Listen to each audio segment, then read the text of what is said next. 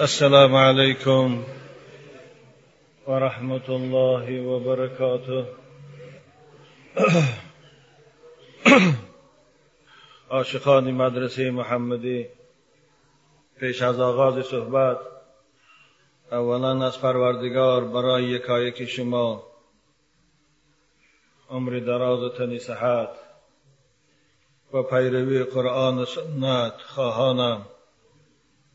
و از پروردگار برای قدمهایی از راههای دور و نزدیک رنج فرمودهتان برای آمدن این مدرسه محمدی اجر جزیل و ثواب بزرگ خواهانم و عاجزان دعا می‌کنم این زحمت های کشیده شما را و این عبادتی که در این خانه خدا در این مدرسه محمدی انجام می‌دهیم یک جایه و درگاهش قبول نماید.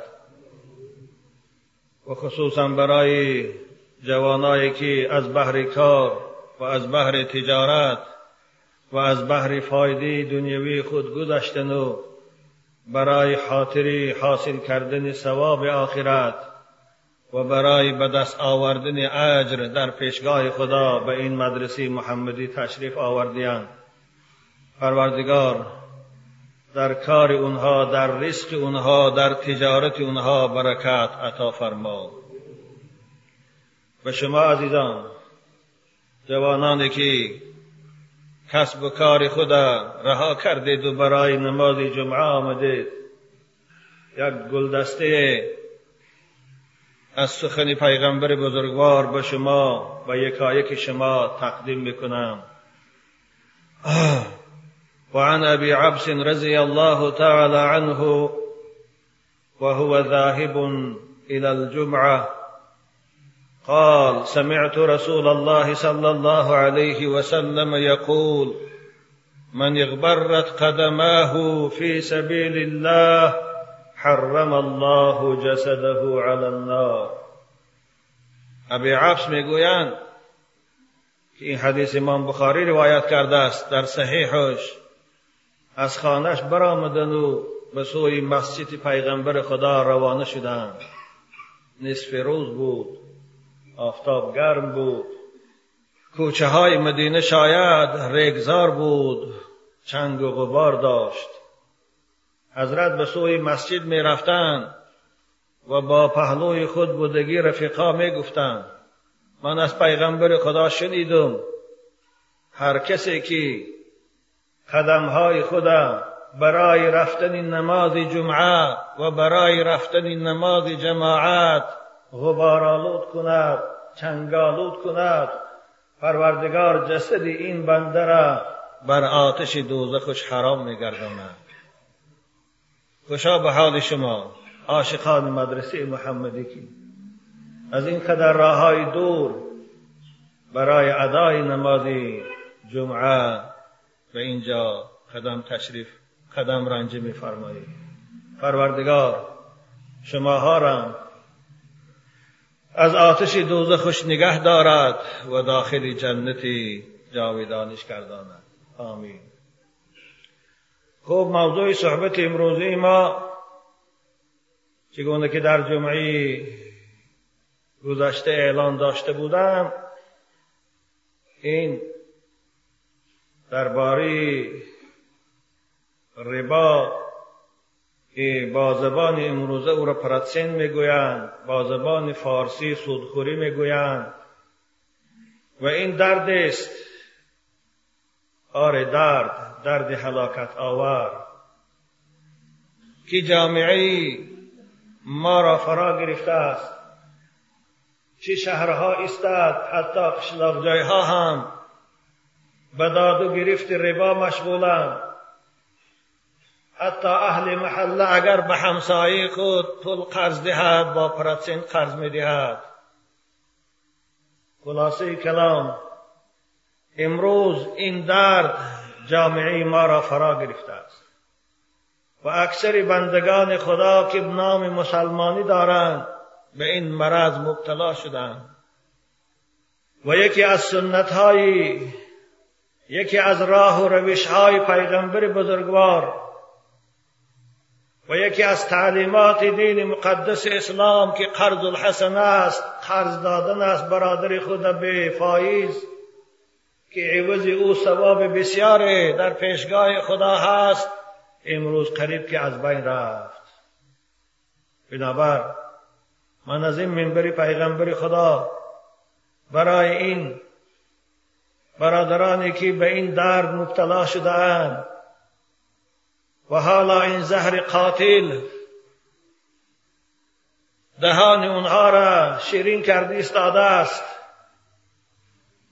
این حکم خدا را و این حکم پیغمبر درباره ربا و سودخوری بیان کنم. جمعه گذشته صحبت من در باب زکات بود و فایده های زکات و ثواب زکات. اگرچه یک ساعت گنجایش آن ندارد که با هم پهلوهاش ما احکام زکات تحلیل کنیم اما به قدری گنجایش وقت آن چیزی که ضرور بود برای هر یک فرد مسلمان. الحمدلله من با یاردم پروردگار به شما عاشقان مدرسه محمدی گفتم. اکنون امروز در باب ربا صحبت می‌کنم. خواهش می‌کنم خیلی با تأمل گوش اندازید. و برای کسانی که به این مرض مبتلا هستند شاید این نصیحت من این درس من یک دوای فایده شود از این بیماری باز استم ان الحمد لله نحمده ونستعينه ونستغفره ونعوذ بالله من شرور انفسنا ومن سيئات اعمالنا. من يهده الله فلا مضل له ومن يضلله فلا هادي له. وأشهد أن لا إله إلا الله وحده لا شريك له. وأشهد أن محمدا عبده ورسوله. پروردگارا همه فقیران ما را از کمبغلی خلاص گردان. خدایا همه گرسنگان ما را از گرسنگی رها گردان. خدایا همه برادران مسلمان قرضدار ما را از قرض خلاص گردان خدایا عاجزانه دعا می‌کنم. همه فاسدها را از این جامعه ما مسلمان ها برکنار گردان خدایا از بهشت پرناز و نعمتی که برای بندگان متقی و پرهیزگار خود آماده ساختی ما را و عاشقان این مدرسه محمدی را با نصیب کردم. و از آتش سوزان دوزخ. این جسدهای ضعیف و ناتوان ما را خدایا نگه دار. آمین. آمین. اللهم ارزقنا الحلال و بارک لنا فيه خدایا برای تمام امت اسلام و خصوصا برای عاشقان این مدرسه محمدی رزق حلال با برکات نصیب کردم اللهم باعد بيننا وبين الحرام كما باعدت بين المشرق والمغرب. خدایا از رزق حرام بین ما و بین منبع درآمد أو دوری قرار ده مانند دوری بین مشرق و مغرب. خدایا نصیب نگردان خدایا میسر نگردان خدایا آسان نگردان برای یکی ما که از وجه حرام از منبع حرام رزق به دست آری آمین. ربا چیست؟ ربا خود کلمی عربی است به معنای زیادتی است. در اصطلاح فقها ربا همون فایزه همون زیادتی را می‌گویند که به عوض از کسی شما به دست می آره و کسی شما ده سامانی قرض میتید در عوض او یازده سامانی می‌گیرید بعد یک هفته یا بعد یک ماه. این ده سومه که شما می‌گیرید عوضی همون ده سوم دادگی خودتان بود. این حق خودتان است. اما این یک سومه که گرفتید به عوض گرفتید. این رباست. ان همین یک سوم حرام است. این ریبا میگن. خوب به این مثال چیزی که تجارتی که داد و گرفته که امروز هست هر فایزی که به عوض به فایده شما بیاد این ریباست. ها در گندم است ها در جو است ها در تلاست ها در پول است ها در دلار است. ربا عزیزان من یکی از وزنینترین گناه های کبیره است. از گناه است که شخص رباخور به سبب آن به لعنت خدا گرفتار است. ربا سودخوری پراتسین از جمله گناه است که کننده آن به لعنت پیغمبر خدا گرفتار است. قرآن حرامی ربا را با همون کلمه بیان می‌کند که حرامی خود مرده و حرامی نکاح مادر و دختر بیان می‌کند. با یک کلمه پروردگار هم ربا را حرام میشه هم خوردن گوشت خود مرده و خون حرام میشه هم نکاح مادر و دختر حرام میشه بیان کرده است. قرآن می‌گوید اعوذ بالله من الشیطان الرجیم. احل الله البیع و حرم الربا. خدا هست که برای شما بندگانش تجارت داد و گرفت بازارگانی را رخصت داد حلال گردانید. و حرم الربا اما پرسن گرفتن فائز گرفتن از قرض حرام گردانید. ببینید اینجا لفظ حرمه را خدا استفاده کرد. بعینه همین کلمه حرمه استفاده شده است در آیه سوره بقره. اعوذ بالله من الشیطان الرجیم. انما حرم عليكم المیتة والدم ولحم الخنزیر. خدا هست که برای شما حرام گردانید. ای پیروان قرآن خوردن گوشت خود مرده را و نوشیدن خون را و گوشت خوردن گوشت خوب را. ببین این لفظ حرمه در این جمع استفاده شد. و در باب نکاح محرمات هم نکاح خواهر نکاح مادر نکاح دختر در آن هم پروردگار خودی لفظ حرمه را استفاده بود. ببین سوره نساء رو تلاوت کنیم. اعوذ بالله من الشیطان الرجیم. حرمت علیکم امهاتکم و بناتکم. حرام گردانیده شد برای شما ای بندگان موحد و پیروان قرآن. نکاح مادراتان و دختراتان. کدام جوان مرد برای خودش حلال می‌داند نکاح مادرشه یا نکاح دخترشه کی؟ هیچ کس این حلال نمی‌داند. هیچ کس اینو برای خود جایز نمی‌داند. حتی شنود که کسی با خواهرش رسیده است با یک نفرت به او نگاه می‌کند. کی برای خودش حلال می‌داند جایز می‌داند خوردنی گوشت خود مرده را. اون یک مال حرام شد دم کرد ورم کرده است. گوشت اویا آورده می‌خوره. نه طبیعت سالم از وی نفرت داره. یا خون مسفوح خونی که از سری در وقتی سر بریدن مال میبراد همون اگر کسی در پیاله گیرد. او رو نوشیدنش به خودش حلال می‌داند نه. نفرت دارد به او. و این چنین. باید مردی با ناموس مرد مسلمان که ربا را هم خدا در ردیف این ذکر کرده است باید استفادهش حلال نداند. اما افسوس امروز مسلمان های ما از خوردن گوشت خوب نفرت دارند.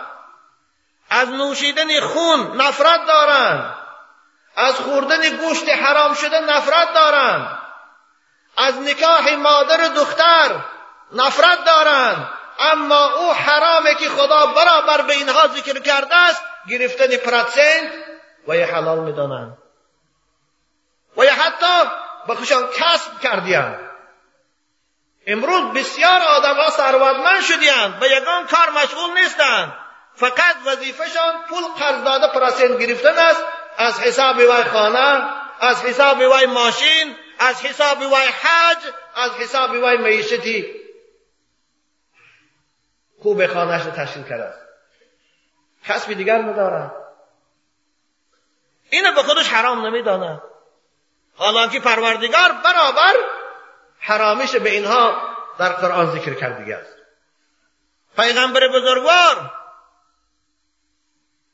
برای کسانی که با کسب ربا مشغولند با پرسید گرفتن مشغولند جنگ اعلان کرده است. پروردگاری که آفریدگار انسان است آفریدگار تمام موجودات است با رباخورها و پرسندگیرها جنگ اعلان کرده است. آیا این انسانهای ضعیف می توانند با خدا جنگ کنند؟ می توانند اینها با پیغمبر بزرگوار جنگ کنند؟ نه نمی آخرین آیه کی؟ و پیغمبر بزرگوار پیش از مرگشان نازل شد. مفسرین کرام میگن این آیه ربا بود. اعوذ بالله من الشیطان الرجیم.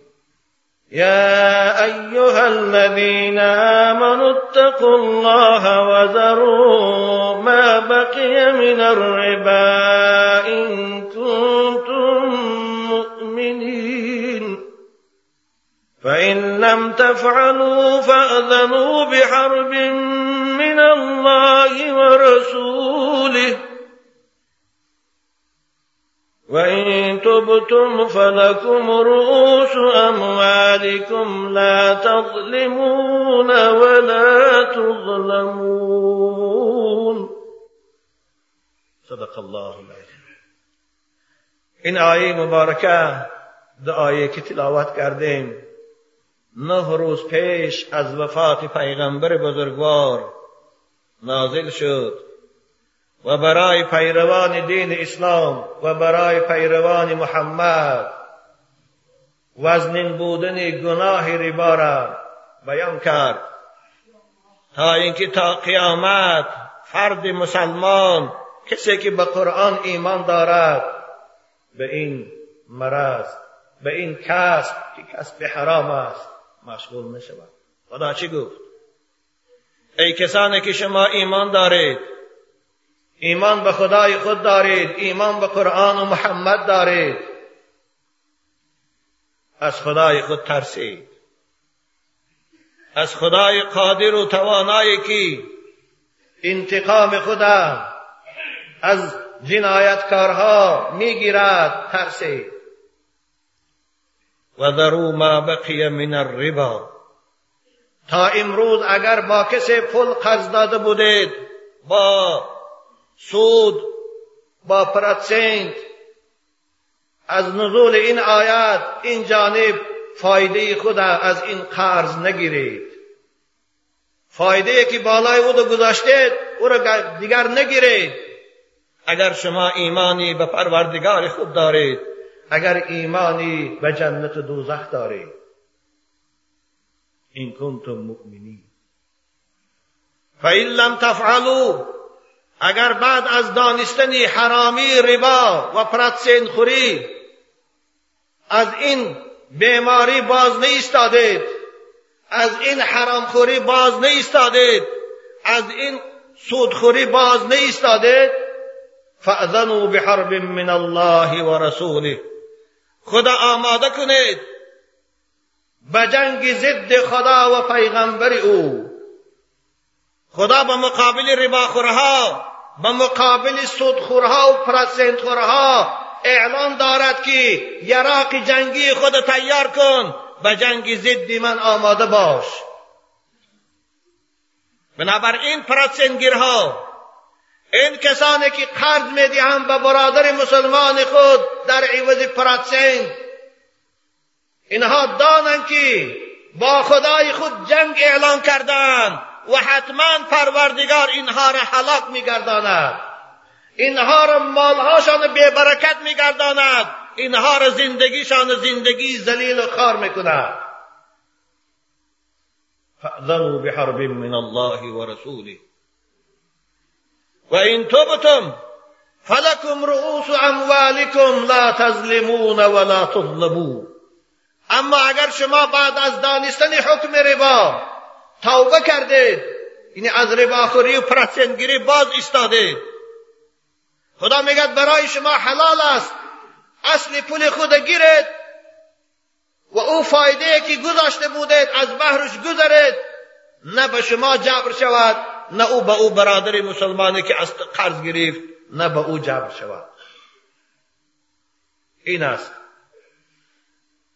اعلان که پروردگار برای پیروان قرآن در لحظه های آخر حیات پیغمبرش در لحظه هایی که پیغمبر بالای بستر بیماری بود بیان ساخت.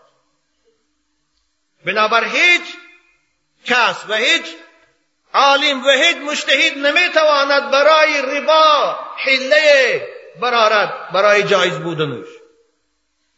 و هر کس ربا را حلال می‌داند یا برای استفاده ربا حله را استفاده می‌برد.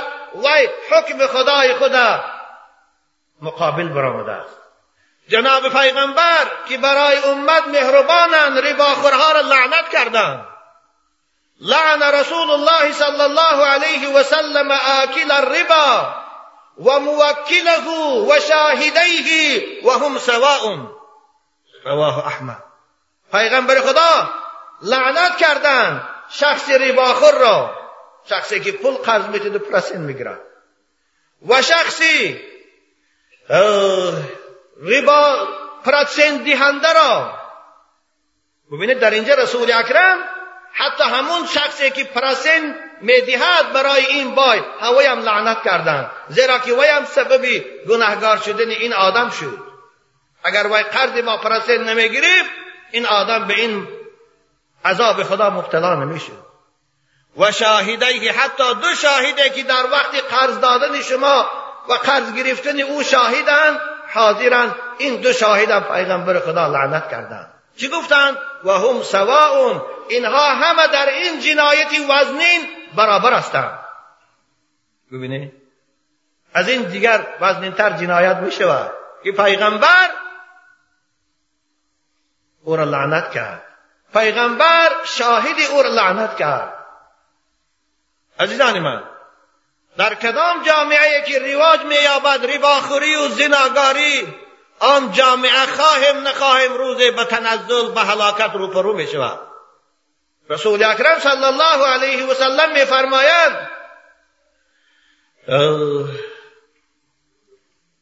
ما ظهر في قوم الربا إلا ظهر فيهم الجنون. وما ظهر في قوم الزنا إلا ظهر فيهم الموت. در هر جایی که در هر قشلاقی که در هر ناحیه که زناگاری رواج یافت. پروردگار به اهالی أو مرگ ناگهانه بسیار میگرداند. در کجا که زنا رواج یافت؟ خودکشی بسیار می شود مرگ بسیار می شود و در کدام محله کی در کدام قوم کی رباخوری رواج یابد پروردگار در بین اونها کسلی دیوانگی را زاید میگرداند. این سخن پیغمبر بزرگوار است. برای چه امروز در جامعه ما اینقدر آدم ها به کسلی دیوانگی مبتلا هستند به کسلی روحی مبتلا هستند؟ برای خاطر چی؟ برای خاطر آن که جامعه ما را این دو فساد هم زناگاری هم رباخوری فرا گرفته است. حالا عذاب از این سختتر در پیش است. حالا هم پروردگار عذاب عمومی نمی کند به خاطر آن است که بعضی بندگان صالحش وجود دارند. بنابر هر محله و هر قومی که ربا و زنا را در بین خود رواج می‌دهند رسول اکرم در حدیث حاکم هم میفرماند فقط احلوا بانفسهم عذاب الله. اونها خود بالای خود عذاب خدا را آورد استادیان این ربا عزیزان این جبر کردن به برادر مسلمان است. آخر همسایه است یا برادر مسلمان است؟ محتاج می شود ضرور می شود او در یک حالت ناگوار می افتد نزد شما می بیاد برای پول. که قرض تید و شما خودتان در جای و حس کنید و چی ناراحت است؟ شما به جای آنکه او را یاری کنید به جای آنکه به او دست یاری دراز کنید از این کمبغلی او را خلاص کنید به جای یاری او را دو سوم پول برای بلیتی سمالیات تا مسکو رفتنه در هر ماش 20 دلار بالاش در فایز میمونند پرسین میمونند او اگر رفت و بیچاره در اون شش ماه 400 دلار کار کند به بیاد همون خرزی او با پرسین میتیاد باز بوده کاش درست نمیگردن. آیا این انصاف است؟ در تمام دینهای آسمانی چی در دین مسیحیت چی در دین یهودیت ربا حرام است. امروز در عالم یهود در دنیای یهود یهودی برادر یهودیش قرض به پرسنت قرض میتید اما ما مسلمان حتی اکا بدادرش قرض تید با فایز قرض میتید با پرسنت قرض میتید بنابر رسول اکرم پرسنت خورها را تا قیامت لعنت کردن روایت امام نسائی است حضرت میفرماید آکل الربا و شاهداه اذا عملوا ذلك ملعونون الى یوم القیامه على لسان محمد. رواه النسائی. شخصی پرسین خور و دو شاهده که در این محفل اشتراک می‌کند در وقتی قرض دادن نوشتن. اونها از زبان محمد تا روز قیامت گرفتار لعنتند بنابر رسول اکرم آدم های پرستینخور اگر توبه نکرده مرن شفاعت نمی کند افسوس. امروز جامعه چنان به این درد مبتلا شده است. کم شخصی ثروتمند یافت می شود که قرض حسنت یاد قرض بفایست یاد آره هستن الحمدلله این آدم هم هستن اما خیلی کم. پیغمبر بزرگوار 1400 سال پیش معلوم کرده بود فهمانده بود که لیعتین علی الناس زمان برای امت من یک زمان می بیاد که لا یبقى منهم احد الا اکل الربا. هیچ کس باقی نمیموند مگر اینکه رباخور است. حالا خیر است. شاید بعد از ده سال و بیست سال در تاجیکستان ما یافت نشود آدمی که ریبا نخورد. فمن لم یعکله اصابه من غباری. اگر کسی ریبا نخورد اگر کسی پرسنختی قرض نتیدم اما از غبار او از گناه او اینم شریک است. مانند ایشان الله مانند ما باریم. او پرسین خورا باین ما رو فیراد می‌کنن خانهشان دستم و بیستم سستم میتین ما هم در گناه و شریک. پیغمبر خدا پیشگی اعلام کرده بودن.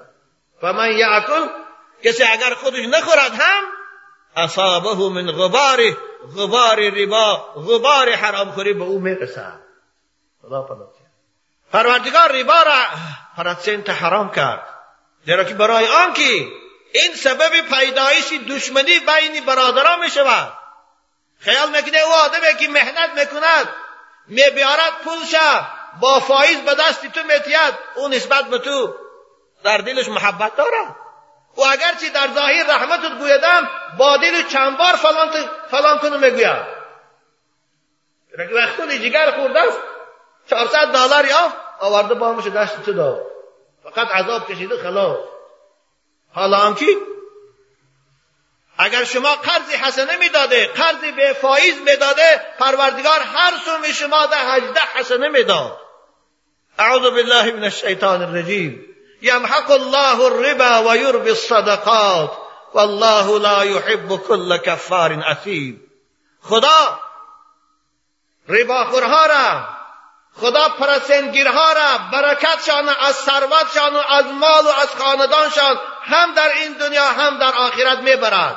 باور کنید هیچ آدمی پرسنخور این بایگریش تا آخر دوام نمی‌کند. او آخر بانکرات می شود آخر خانش یا دوز می‌زند آخر خانش یا میسوزد آخر یا خودش خار می شود یک بلای مبتلا می شود که از این پولش از این بایگریش او فایده برده نمی‌تواند یا پروردگار او را یک کسلید مبتلا می‌کند نمی‌تواند این بایگریش در راحت کند. یمحق الله الربا. خدا پول پرسنت به برکت میگرداند. حضرت عبدالله ابن عباس تفسیر همین آیه کریمه رو می‌گوید که لا يقبل الله من المرابي صدقة ولا حجا ولا جهادا ولا سلة خدا هرگز از شخص رباخور از شخصی که پرسنگیر است نه صدقات قبول می‌کند نه حج قبول می‌کند نه جهاد قبول می‌کند نه خیشاش یاردم کرده باشد سیلی رمش قبول می‌کند. یمحق الله الربا. خدا پول ربا را بی برکت میگرداند. پول ربا را هرگز ثواب نمی‌دهد. بنابر شخصای پرسیلخور دانند که اونها از این پول خواه مولود می‌کنند خواه توی می‌کنند خواه حج می‌روند. والله هیچ کدامش درگاه خدا قبول نیست. برای چی؟ برای اینکه خدا می‌گوید انما یتقبل الله من المتقین. خدا از بندگان با تقواش از بندگان حلال کارش از بندگانی که کسب حلال کردی ثروت مییابند اونها را خیراشان قبول می‌کند نه از حرام خورها عزیزان من جوانای خوب دین مقدس اسلام مقابل بایگری نیست اسلام و صاحب شریعت از راه حلال ثروت جمع کردن و بای شدن اجازت داده است حتی قرآن کسانی را که برای خاطر ثروت و مال در راه تجارت می‌کنند در راه سوداگری می‌کنند از اینجا به دیگر جا می‌روند اونها را مدح بکنند اعوذ بالله من الشیطان الرجیم و آخرون یضربون فی الارض یبتغون من فضل الله. خدا میگه من دوست میدارم بندگان را که برای خاطر ثروت و مال برای خاطر تجارت برای خاطر ریسک و روزی فرزنداشان از یک جا به جای دیگر سفر می‌کنند. در زمین گشت گذار می‌کنند. خدا اونها رو دوست میداره وقتی که از وجه حلال باشد. بنابر پیغمبر خدا نعم المال الصالح للرجل الصالح. خوب مال است گفتن مال حلال برای مرد پاکیزه. صحابای رسول اکرم ثروتمند بودن شما خیال نکنه که از وجه حلال پول جمع کردن ممکن نیست. نه این خطا هست. حضرت عبدالرحمن ابن عوف که یکی از ده یار بهشتی بود. وقتی که وفات کرد حضرت چهار زن داشتند. به هر زنش هشت یک هشتاد هزار دانه تیلا رسید. این مذمت نیست. آن چیزی که اسلام زید دست به او این پول و ثروت از راه حرام به دست بیاری این ده خدا زید است اعوذ بالله من الشیطان الرجیم. یا ایها الذین آمنوا لا تأكلوا اموالكم بینکم بالباطل الا ان تكون تجارتا عن تراض منکم. خدا میگه ای کسانی که شما ایمان دارید مالهای یکدیگر با راه حرام نخورید. یکی با راه قرتبازی یکی با راه کزینا یکی با راه دزدی یکی با راه پرسین مال یکدیگر نخورید. مگر از یکدیگر مال گیرید به عوض تجارت با رازگی یکدیگر. این از کسب حلال این از ثروت حلال این از پول حلال. از این سبب کسانی که من شنیدم و چند برادرم از من سوال کردن از با جوانای پول میدکن صراف ها به اصطلاح امروز بگویم والیوت چیکا که یازده یک یا یعنی ده سامانی یک سومه را در عوض یازده سوم به آدم ها میدادیان اصلا بیام که پولی میده نیست. بیست درمو پنجاه درمو یک سومه را اگر کدام از شافرها خریدنی باشن یازده سوم میتین بعد ده یک سومه می‌گیرن. جوانای خوب این یک سوم برای شما حرام است. این یک سوم است که برکت از این باقی مانده پلاتان می‌برد این یک سوم است که شما را در پیشگاه خدا سزاوار لعنت می‌کند. بنابر شما برای یک سوم یا برای پنجاه درم کسب خودتان حرام نکنید رزق خودتان حرام نکنید. رباخورها روز قیامت شرمندگی دارن. پرستندخورها این صدای من نشنوید. حال شما اگرچه در این دنیا با این پول حرام مرسدس سوار میشید اگرچه با این پول حرام خانه های سه قبطو چهار قبطو می‌کنید اگرچه با این پول حرام لباس های زیبا میپوشید رستوران های آلید معیشت می‌کنید. حال شما در گور و در روز قیامت چیست؟ حدیث امام بخاری است. رسول اکرم صلی الله علیه و سلم در شب معراج یک گروه از امتان خود دیدم که در یک نهر در داخل یک نهر که اون نهر آبش خون بود خون. سرخ بود. شناوری می‌کردن داخل نهر در فرو می‌رفتن با خجال بالای آب میکشیدن آب خون آلود فرو میبردن. حلقاشا می‌رفت. کوشش می‌کردن با هیجان و تهلکه خود را به لب ساحل رسانند. تا اینکه از این ورطه حلاکت خلاص شوند. شما از من منظره در پیش چشم بیاره شخصی در آب غرق می شود حرکت می‌کند جان می‌کند تا به لب ساحل رسد. اما در لب ساحل یک بیرحم و به انصاف ایستاده است. با یک لغت می‌زند او رو در آب میپرتاد. باز عذاب می‌کشد با پیش میبیاد. چی عذاب دارد؟ رباخورها پرسندخورها را روحشان در عالم برزخ مانند این است. رسول اکرم دیدن که در نهر از خون شناوری بکنند. جان می‌کنند عذاب می‌کشند. خود به ساحل میرسانند. ملائکه در لب ساحل ایستاده است. در دست سنگهای آتشین باز در دهان او می اندازد و او را با در ده به تیله می‌کند. این عذاب تا روز قیامت است. تا روز قیامت روحی شخصی رباخور و پرتسنخور این عذاب دارد. اگر چی جسدی باید در خواب در قبر باشد اما روز قیامت چی؟ روز قیامت که همه از پیش در پیشگاه خدا از خانه قبر میخیزیم روانه می‌شویم به سوی محشر. حال پرسنگرا چگونه است؟ حال پرسنگیرا چگونه است؟ قرآن عزیزان من این منظره رو برای ما شما تصویر می‌کند چه تصویر زیبایی است. ببینید. اعوذ بالله من الشیطان الرجیم. الذين يأكلون الربا لا يقومون إلا كما يقوم الذي يتخبطه الشيطان من المس. ذلك بأنهم قالوا إنما البيع مثل الربا. وأحل الله البيع وحرم الربا. فما جاءه موعظة من ربه فانتهى فله ما سلف وأمره إلى الله. ومن عاد فأولئك أصحاب النار هم فيها خالدون. صدق الله العظیم آه رباخورا از قبر میخیزند منظری قیامت پیش رو بیارید. پرسنگیرا از قبر میخیزند همه.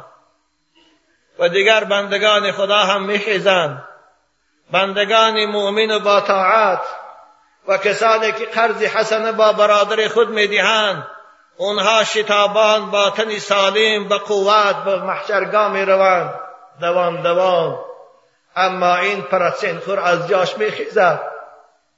مانند شخصی که دیوانه هست یک طرفش کج یک طرف بدنش کار نمی کند دهانش کجیله از جاش میخیزد قدم میاندازد باز میافتد.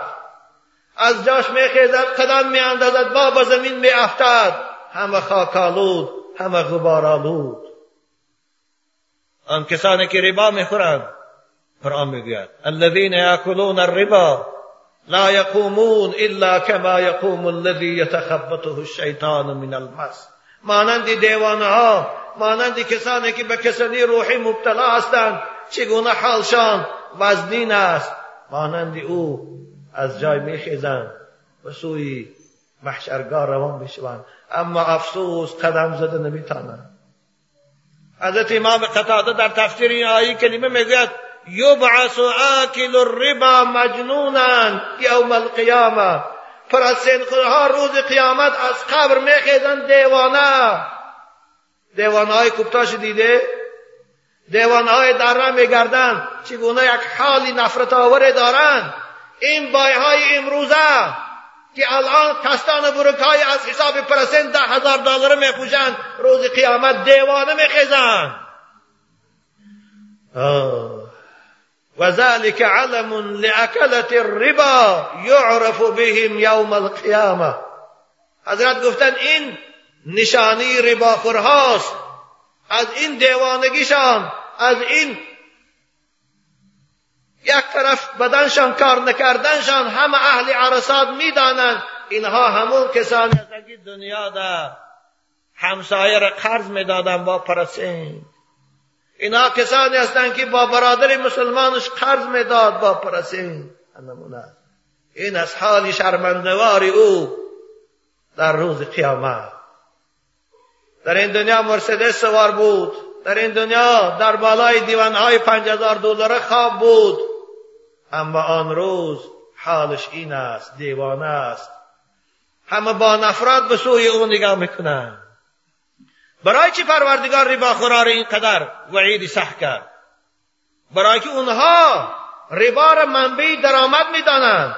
حتی مشرکای عرب به بیع و تجارت باور نداشتند. اونها را منبع درآمدشان همین پرسن بود. وقتی که این آیه مبارک نازل شد در مذمت ربا اونها به پیغمبر اعتراض کردن گفتن چی می‌گویی؟ مقصد ثروت جمع کردن است مقصد از این تجارت بای شدن است. در تجارت هم بای میشیم پول میابیم در این هم پول میابیم. باز این راهش آسانتر است. بنابر همون بیعه که تو محمد حلال می‌گویی مانند همین ربای ماست او بدبختا به حکم خدا اعتراض کرده. بیع را که خدا حلال کرده بود تجارت رو داد و گرفته با رضاگی یکدیگر. مانند به همون ربای حرام خود کرده اما خدا گفت نه. محمد تو به این بدبختا بگو. به این کافر. همین یک تین هم حرام است. باقی مانده پولی تو را حرام می‌کنن بنابر رسول اکرم در حجت الوداع وقتی که تمام اهل مکه جمع شدند حضرت اعلان اوله که آن روز در بین بسیاری کردن این بیکار کردن ربا بود. حضرت گفتند الا ان كل ربا في الجاهلیت موضوع تحت قدمی هاتین. ای مردم گفتند تمام کسانی که با برادران خود با پرسنت قرض دادیان از همه روز که سر کرده همش بیکار است. و اول ربایی که من حکم او را بیکار کردم این ربای عمکی من عباس است گفتند کسی از عمکی من عباس با پرسین قرض گرفته باشد پرسین شنتی از گفتند از این لحظه سر کرده اول از کش خودشان حضرت سر کرده بر همون پوله که قرض گرفته همون بیارته تا اینکه به این هم جبر نشود به شما هم فایش دیگر نشید گفتن. و این اعلان بود که رسول اکرم در نزد خانه کعبه برای تمامی بشریت داشتن جوانای خوب کسانی که ثروتمند هستی. پروردگار ثروت شما را زاید کند از وجه حلال. شما با برادران محتاج خود قرض قرض حسنتی. آخر قرض حسنه ثواب است. رسول اکرم در یک حدیث میفرمایند من انظر معسرا فله بكل یوم مثله صدقه شخص یک برادر قرض داد. صد سامانه قرض داد. مهلت یک ماه یا یک سال. یک ماه بود شد او برادر همون پل یافته دادن تا نیست. اگر او را باز مهلت دیگر تید با یک سال دیگه مهلت بیاد یا گوید برادر خوب کی کی یافتی و بیارته هر روزش ده مانند صد سامانه صدقه کردن ثواب می‌گیرد. ببینه مانند صد سام در هر روزش مانند صد سامانه در راه خدا دادگی ثواب می‌گیرد. بنابر قرآن در آیه های فراوان خود پیروان خود به قرض حسنه ترغیب می‌کنه. اعوذ بالله من الشیطان الرجیم. من ذا الذي يقرض الله قرضا حسنا فيضاعف له اضعافا كثيره آیه های فراوانی در این مضمون آمده است. خدا میگه کی است که با برادران مسلمان خود قرض میتید یعنی قرضی که چه با برادر دادی گویا با خدا دادی. قرضی که با همسایت دادی گویا تو به خدا دادی. در بنکه های خدا فایز او را فایده او را فردا بعد از مرگ مییابی. قرآن می‌گوید اعوذ بالله من الشیطان الرجیم. و این کان ذو عسرت فنظرة الى میسره اگر شخصی که از شما قرض گرفت از سبب نیافتن از سبب شرایط دادن نداشتن. قرض شما را در وقتش دادن تا نیست. شما با او رو با مهلت با مهلت زود از گریبان او نگیرید. مشرکای مکه همین بودن کافرهای پیش. قرض می‌دادن به همسایهاش یک ماه اگر یک ماه بود می‌شد یافته داده نمیتانست میگو برادر از هر روزش یک سوم زاید شدن می‌گیرد حالا همین خیلی عادت ها بسیار شد که یک ماه اولش ده دلار ماه دویمش با 20 دلار ماه سومش هر ماه ده دلار ده دلار زاید می‌کردن. امروز قرض میدادگی جوانای ما. این حرام است. والله پول پرسنت از پول گوشت خوب هم حرامتر استی خدا میگه برادر در قرض. اگر او قرض در وقتش داده نتانیست با او رو مهلتش ده زیرا که تو در این عوضی مهلت میدادگی ثواب می‌گیری.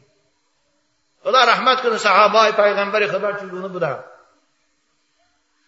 حضرت ابو قتاده رضی الله تعالی عنه به شخص پول قرض داده بود. و مهلتی شش ماه یک سال. مهلت بود شد. قرض آورده داده نتانیست. حضرت خوشم برای گرفتن قرضشان به خانه او می‌رفتن. از خانه همسرش می برآمد می‌گفت که در خانه نیست. چند بار رفتن او بیچاره پنهان می‌شد همسرش می‌گفت که در خانه نیست. حضرت گشته می آمدن روز رفتن که دهنی دروازه در کودک خرسال او بازی دارد. گفتن ای پسر خوب گفتم پدر در خانه است. گفتی آره بابام در خانه است. غذا خوردی استاده است. عادتا کودکا دروغ نمی‌دانند. حضرت دهن دروازه رفتن و فریاد کردند ای فلانی من می‌دانم تو در خانه هستی. برا پیش من. پنهان نشو. او بیچاره علاج نکرد و برآمد نوپروی حضرت ابو قتاده رضی الله تعالی عنه حضرت ناراحت بودن گفتن تو چو از من میگریزی؟ برای که من چند بار نزد خانی تو میبیام می‌گوین تو نیستی. حالا من می‌دانم تو در خانت بودی. چو به من رو پرو نمیشی؟ ما غیبک عنی حدیث امام مسلم ہے۔ ثانی این آدم خجالت شد۔ گفت که ای ابو خطا برادر عزیز والله گفت من پنهان شدنم از تو سبب دارد۔ سببش همین که من کم بغل هستم۔ من همون قرضی که از شما گرفتم آماده کرده نتانستم۔ بنابر من به شما روپرو شوم۔ آخر چی گویم؟ بنابر همین من کم پنهان می‌کردم از تو صحابه رسول اکرم ببینه چی دل ملایم داشتن؟ اون اونها بودن مسلمان. حضرت میگه آب دیدشان به اختیار ریخت. گریان شدن از حال این برادرش. گفتن ای برادر گفتن سمعت رسول الله صلی الله علیه و سلم. من از پیغمبر خدا شنیدم که من انظر معصرا. أو محا عنه كان في ظل الله في ظل العرش يوم القيامة. رواه مسلم. کسی قرضدار خودش باید مهلت دهد. یا اینکه از بحر امو قرضش گذرد و بخشد پروردگار أو را در سایه عرش روز قیامت جای میدهد. برادر گفتم آبدی ناشان پاک کردن. من همون قرض به تو بخشیدم گفتم. اگر کدام وقت ثروتمند شدی بای شدی دادی دادی و الا بای نشدی من همون پول به تو بخشیدم گفتم. این بود. ایمان این بود. محبت و برادری این بود. نزد من از شارز دو نفر آدم آمدن از امان شیخی از یک بدبخت قرض گرفته بودیم بچهش قرض گرفته بود یا کدامش؟ پرسن مونده است این بدبخت رفته اکن طلب گرفت که خانه رو به من بتی. خدا که داده نتانستی دو دو خانم اینه دو کمپیر از دوشنبه نزدی من آمدن از کسی دخترشون قرض گرفته بودن. در وقتی میره میره فروش ها قرض گرفته بودن با پرسین بین یک مادم میگن من پلو تیار کردم که بیا گیر بر.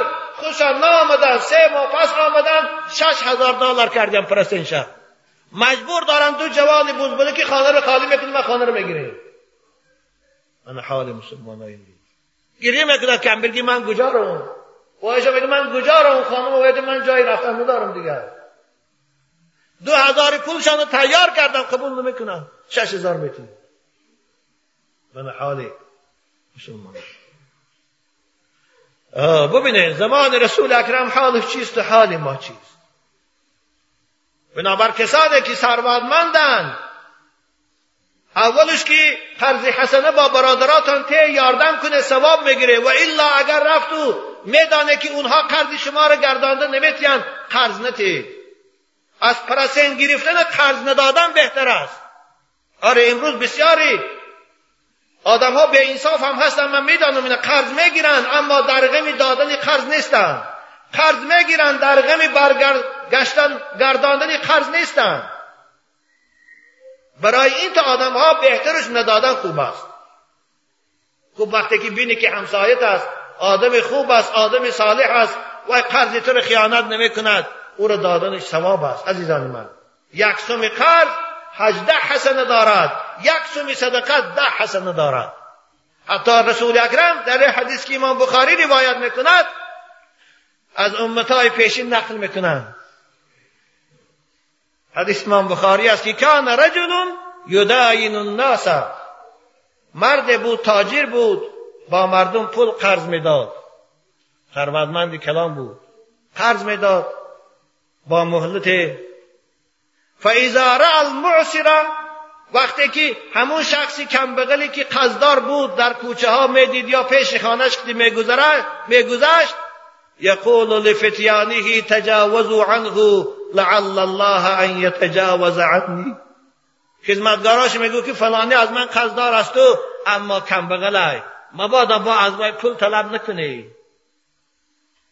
از وی پول طلب نکنه از پیش خانه وی گذشته روه شاید به این کار خدا گناهی من گذرا رسول اکرم گفتن به خاطر همین قرض تأخیر کردنش و قرض طلب نکردنش از کم فتجاوز الله عنه. خدا گناه او رو گذشت او رو صاحب جنت کرد. رواه البخاری. و قرض چی ثواب دارد؟ می‌خواهم برای کسانی که قرض می‌گیرن و در پی دادن قرض نیستن به اونها خطاب کنم. دادرای عزیز برادران مسلمانی که احتیاجی به قرض کردید اولش اندیشه کنید که قرض می‌گیرید قرض در وقتش داده میتانید یا نه. این باید شخصی قرضگیر اندیشه کند آخر قرض انسان وقتی می‌گیرد که او می‌داند که در همون وقتی مخصوص گردانده داده می‌تواند او را. تانه او قرض می‌گیرد. بنابر رسول اکرم گفتند من اخذ اموال الناس یرید اداءه عبد الله عنه. هر کسی که از برادر مسلمانش قرض گیرد با این نیت که انشاءالله من زود گردانده قرض میتیم پروردگار برای وی شرایط مهیا می‌کند. زود قرض میتیم اما کسی مال برادر مسلمانش قرض گیرد و به پروایانه معیشت کند به پروایانه صرف کند پول یافتگیش جمع نکند و باز دیگر جاده صرف کند این خدا مالش تلف میتید قرض گردانده دادن می‌تواند و من اخذ اموال الناس یرید اطلافها اطلفه الله. این حدیث امام بخاری است. بنابر باید شخصی قرض گرفتگی خراجات در خانهش کم می‌کند. معیشت کم می‌کند. لباس زیبا پوشیدن کم می‌کند. تا اینکه اول قرض برادر مسلمان گردانده تید رسول اکرم پیغمبری ما و شما بود. همیشه از قرض پناه می‌گرفتند. دعای پیغمبر ما در هر نماز این بود اللهم اینی اعوذ بک من المعصم والمغرم. خدایا من به تو پناه می‌گیرم. اول از گناه کردن دوم از قصدار شدن. دعاش این بود. شخص پرسید یا رسول الله چون شما اینقدر بسیار از قرض میترسه از قرض همیشه پناه می‌گیره برای چی؟ از چه گفتم ان الرجل اذا غرم حدث فكذب و وعد فاخلف بیدانی گفتم. انسان وقتی که قرضدار شد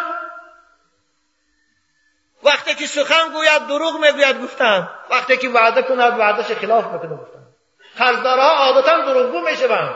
شخصی صاحب پول بسرش رود بگید انشاءالله هفته دیگه میتیم. همین هفته دیگه با پنهان می‌شود تا یک ماه دیگه نمیابیش وعده کند وعدش خلاف می‌کند. بنابراین عیب است برای مسلمان. وعده خلاف بودن. خود خجالت کرده برای چه قصدار میشیم؟ برای خاطر آن که ما در درآمدمان اسرافکار هستیم. اگر هر آدم منبع درآمد خوش نگاه کرده به هوای موافق خراجات کند و قصدار نمی‌شود.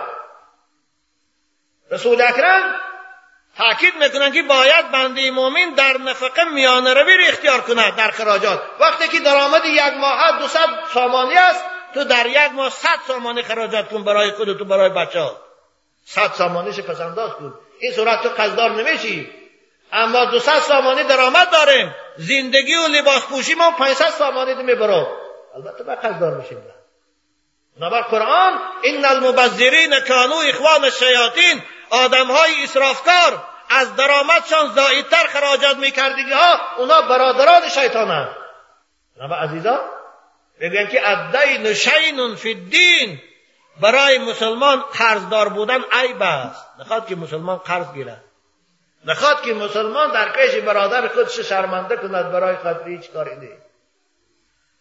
حتی عرب ها میگن الدین هم باللیل و مزلت بالنهار. قرض غم زیادتی است در شب. آدم قرضدار ببینه باور کنه شب خوابش نمی‌برد. دل سیاه است.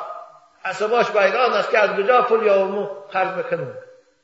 و روز شد با آدم پول دادگی رو فرو شود رنگ گروش می‌کند. خجالت است. شرمنده است.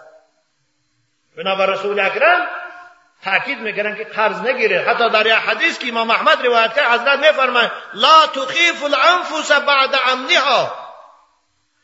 شما گفتن جانهای خود روحهای خود در وقتی که آرام هستند و با راحتند اونها را تشویش نگذاره. روح خود نفس خود تشویش نگذاره. اصحاب بودن یا رسول الله روح تشویش گذراندنش چیست؟ حضرت گفتن الدینو این قرض نگیره گفتن. قرض گیره گفتن روح شما ناراحت می شود گفتن. قرض گیره گفتن خیال شما پریشان می شود گفتن. قرض نگیره. بنابر شخصی قرضدار پیغمبر خدا جنازش نمی‌خوان باور کنید رسول اکرم در اولهای اصر مدینه که حالا بیت المال ثروت نداشت شخصای کم بغل می آوردن قصدار باش اگر در خانش اگر پولی قرضش جمع شدگی نبود او را جنازش نمی‌خوان برای چی؟ برای ترسانیدن امتش از قرض گرفتن. این قرض حق العبد است. دیروز در یک محفل ما بودیم یک جوان مانندی این دادرای من. گفتم با ما یک آدم از من دو هزار دلار قرض گرفته بود. وفات کرد. من خواستم بالای تابوت شقه کنم. نگذارم جنازه کردنی. مفتی بود در جنازه گفت بچه هاش پیش من آمده زاره کردن که ما همون قرض دادامونو میتیم. تو ما را در وقتی جنازه ایزانتی وعده کردن. وقتی که جنازه رو برده دفن کردن دوباره میرون برای پل اونا میگن دادای ما قرض بسیاری دست ما کدامیت شدیم بکله نمیگرم او من گفتم او به من گفت که من پیش مفتی رو مفتی می‌تونه قرض من گرفتم من با گفت مفتی می‌تونه این خودت میدانی؟ خوب به اونها گو برادر وقتی که شما کم بغل است دو هزار من داد دیگه اسم هزار چی هزار چی میبخشم گوید شاید تیان دادم. وقتی که تا هیچ چیزی نگرفتن هزار شمتیان راضی شد گفتیم انشالله ثواب می‌گیری من این تو جوان مردم هستن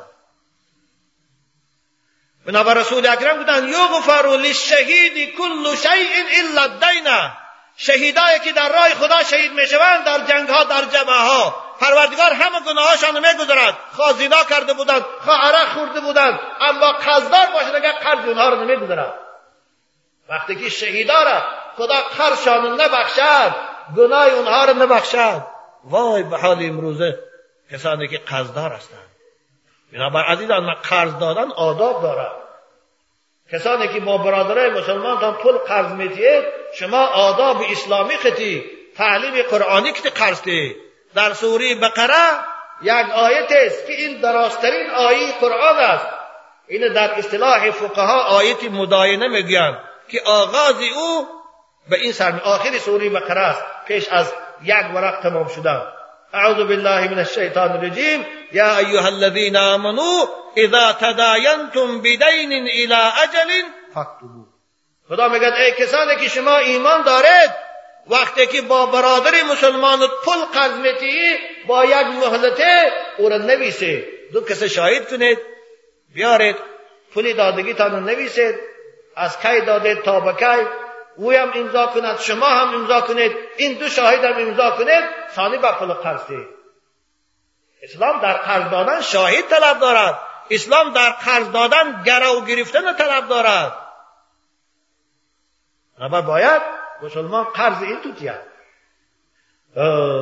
رسول اکرم گفتن نفسی مؤمن مرهون است. در قبر از سبب قرضی که او گرفتاری اوست یعنی روح او معلق میموند بین آسمان و زمین ده خدا کند اکنون ساعتم یک ده نزدیک شد. می‌خواهم آخرین سخنی که با همه شما عزیزان رسانم این است که این سوال در من وارد شدگی است و مناسب به این درس ماست. چند برادر از من در بواسطه مکتوب سوال کردند که فایزهایی که از بنک ها ما می‌گیریم در بانک پول می‌گذاریم. پرسنتش چه مقداری که بانک ها میتیم آیا همینم رباست همینم حرام است؟ این چند مکتوبه بود. بنابر موضوع درس ما مناسب است. من از این منبر رسول اکرم اعلام می‌کنم. حکم اسلام و تمام علمای عالم اسلام این است که فایدهایی که پرسنت هایی که بانک ها می‌گذارند در عوض پولی موندی شما همش حرام است. او رباست. اگر او رو شما گرفتید در خاندانشان صرف کنید یا از همون پول زکات دید وای حرام است خدا این زکات شما را قبول نمی‌کنه. خوب اکن بسیار آدم ها در بانک ها پول دارند. خواهد نخواهد او پرسنتش زاید می شود همون پرسنت نگیرد یا گیرد. حسیمین هم در رساله در باب ربا دارن خدا رحمشان کند می‌گویند که این قرضاوی هم در فتاوای معاصرش می آرد از نگرفتن پول از بنکه ها صاحب همین پول همون فایز گیرد می‌گوید؟ او فایز او پول حرام است. گیرد او تا اینکه در بانکی ایستاده گیرد بهتر است. به کمبغل ها به جایهایی که مثلا کپرگ می‌سازند یا مسجد می‌سازند در همونها برده صرف کنند لیکن صرف کردن او برای ثواب نه وای ثواب ندارد. در پول حرام است. از پول حرام امیدی ثواب کردن این به خدا مسخره بازی کردن است. فقط دادنش برای خاطر آنکه از گناه اول خوش خلاص کند. بنابر کسانی که در بانک ها پراسین پول موندگی هستند فایزاشان که گرفتند به همسایه های کمبغلشان تیند به یتیم خانه ها تیند به بی صاحب خانه ها تیند تا که خودشان از این حرام از این مال حرام خاندانشان نگه دارند. این از حکم اسلام عزیزان من. وآخر دعوانا ان الحمد لله رب العالمین پروردگارا تو شاهد باش. من این حکمی تو را برای بندگان و در باب ربا رسانیدم. و این بندگان تو در روز قیامت نگویند که خدایا ما ندانستیم و نشنیدیم. اللهم لقد بلغت فاشهد پروردگارا تمام امت اسلام و خصوصا سربدمندای جمهوری ما را و جوانای سربدمند عاشقان مدرسی محمدی را از این مرضی به رباخوری نگاه دار. پروردگار برای اینها از وجه حلال رزق نصیبشان گردان. خدایا تجارت اینها را از وجه حلال با برکت گردان. خدایا جوانای ما را از این رباخوری که سببی هم خجالت این دنیا و هم شرمندگی در پیشگاه خودت هست خدایا نگه دار. آمین یا رب العالمین.